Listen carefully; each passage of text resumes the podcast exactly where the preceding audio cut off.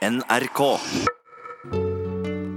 Selv om du ikke vet helt hvorfor, så tar du ofte rette valg og liksom kjenner på deg sjøl at noe stemmer. Magefølelsen kaller noen det, andre snakker om den sjette sans, eller det kan gjemme seg bak ord som teft og god timing. Psykolog Egen Hagen, hva er din erfaring med intuisjon?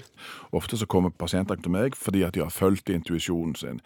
De har følt at den personen var den rette å være sammen med, de har følt alt mulig rart, egentlig. Og så har de da basert veldig mange av beslutningene på hva de føler.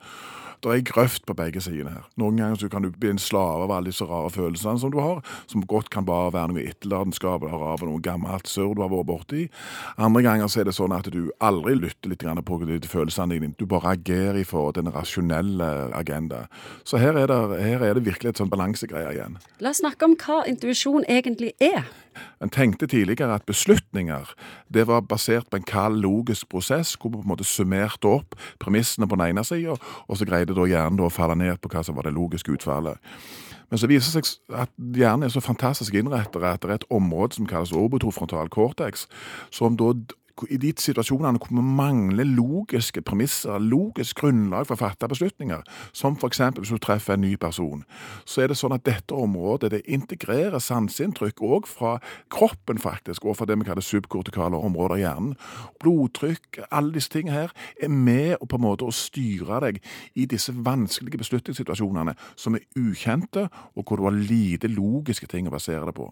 Og Det er den tekniske beskrivelsen av disse intuisjon. Så vi tenker både med hodet, men òg faktisk litt med hjertet, basert på den logikken. Så det er en slags sum av absolutt alt vi har lært og erfaringer vi har gjort på ulike plan i livet? You bet.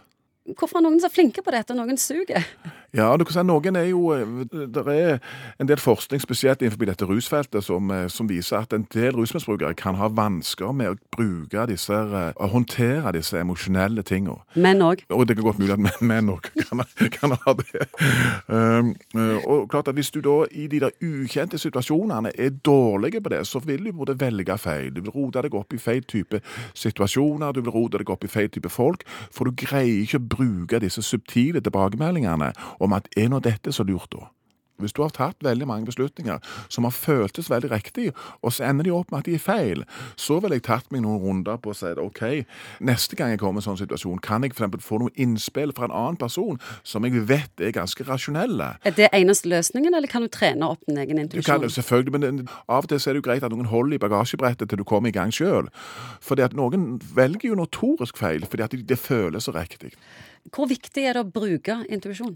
Vi trenger det i disse ukjente situasjonene hvor du egentlig ikke vet noen ting. Hvis du treffer en ny person Ingvild, som du aldri har truffet Som f.eks. når jeg er ute og reiser alene, så er jeg veldig opptatt av å se i blikket, fjeset og ja. alle subtile uttrykk. Ja. Er dette en person jeg kan stole på? Ja, da bruker du hele, hele sanseapparatet ditt egentlig for å hente en informasjon. Og det gjør at du får trykktester og får et bedre grunnlag for den beslutningen som du fatter.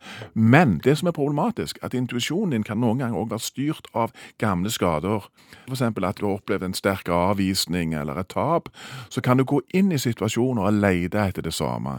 Sånn at du gjenskaper situasjoner. Du er litt skeiv i intuisjonen. Du er litt skeiv i intuisjonen. Du er sånn one trick pony. Du, du leter bare etter de samme temaene egentlig hele veien. Og Så agerer du på dette, og så får du på alle disse selvoppfyllende profetiene hvor det viser seg at folk er jo ikke til å stole på. Fordi at du kveser klørne og trekker deg, og det merker de, og så trekker de seg tilsvarende. Kvinner liker veldig godt å tro at de har mye bedre intuisjon enn menn. Er det sant, eller er det bare noe vi liker? Nei, det, kvinner er jo flinkere til å håndtere kompleksitet, tror jeg. Generelt sett flinkere på å håndtere folk. Har nok mer av denne empatiske genet, tror jeg, enn det veldig mange mannfolk har. Jeg tror de har, dere har et fortrinn, faktisk.